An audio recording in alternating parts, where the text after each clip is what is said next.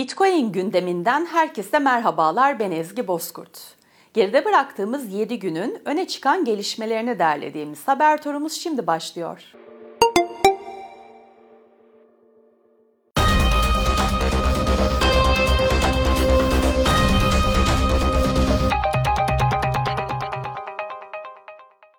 Amerika Birleşik Devletleri Menkul Kıymetler ve Borsa Komisyonu'nun eski başkanı Jay Clayton, kripto para piyasasının en merak edilen konularının başında gelen Bitcoin ETF başvuruları hakkında dikkat çekici açıklamalarda bulundu. Başkanlık döneminde SEC'e sunulan tüm spot Bitcoin ETF başvurularını reddeden Clayton, şu anda SEC'e sunulan spot Bitcoin ETF'leri için SEC'in direnmesinin zor olduğunu iddia etti. Bitcoin madencilik zorluğu rekorlarını tazelemeye devam ediyor.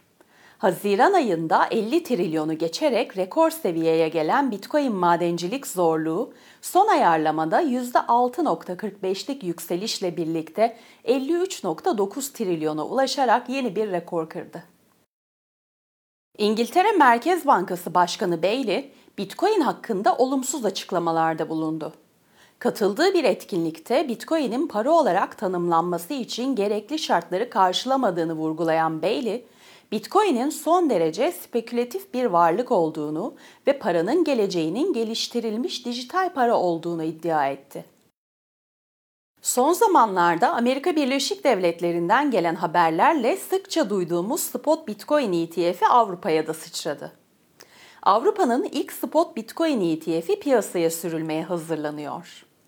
2021 yılında spot Bitcoin ETF için onay alan ancak 2022 yılında kripto para piyasasında yaşanan olaylardan dolayı piyasaya sürülemeyen Jacobi Asset Management bu yılın sonunda spot Bitcoin ETF'ini piyasaya sürmeye hazırlanıyor.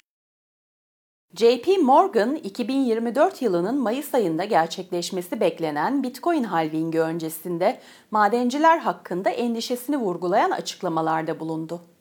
Blok ödülü yarılanmasının ardından yüksek elektrik maliyetlerine sahip madencilerin zorluk yaşayacağını belirten JP Morgan analistleri, maliyetleri düşük olan madencilerin ise halving sonrasında daha iyi performans göstereceğini iddia etti.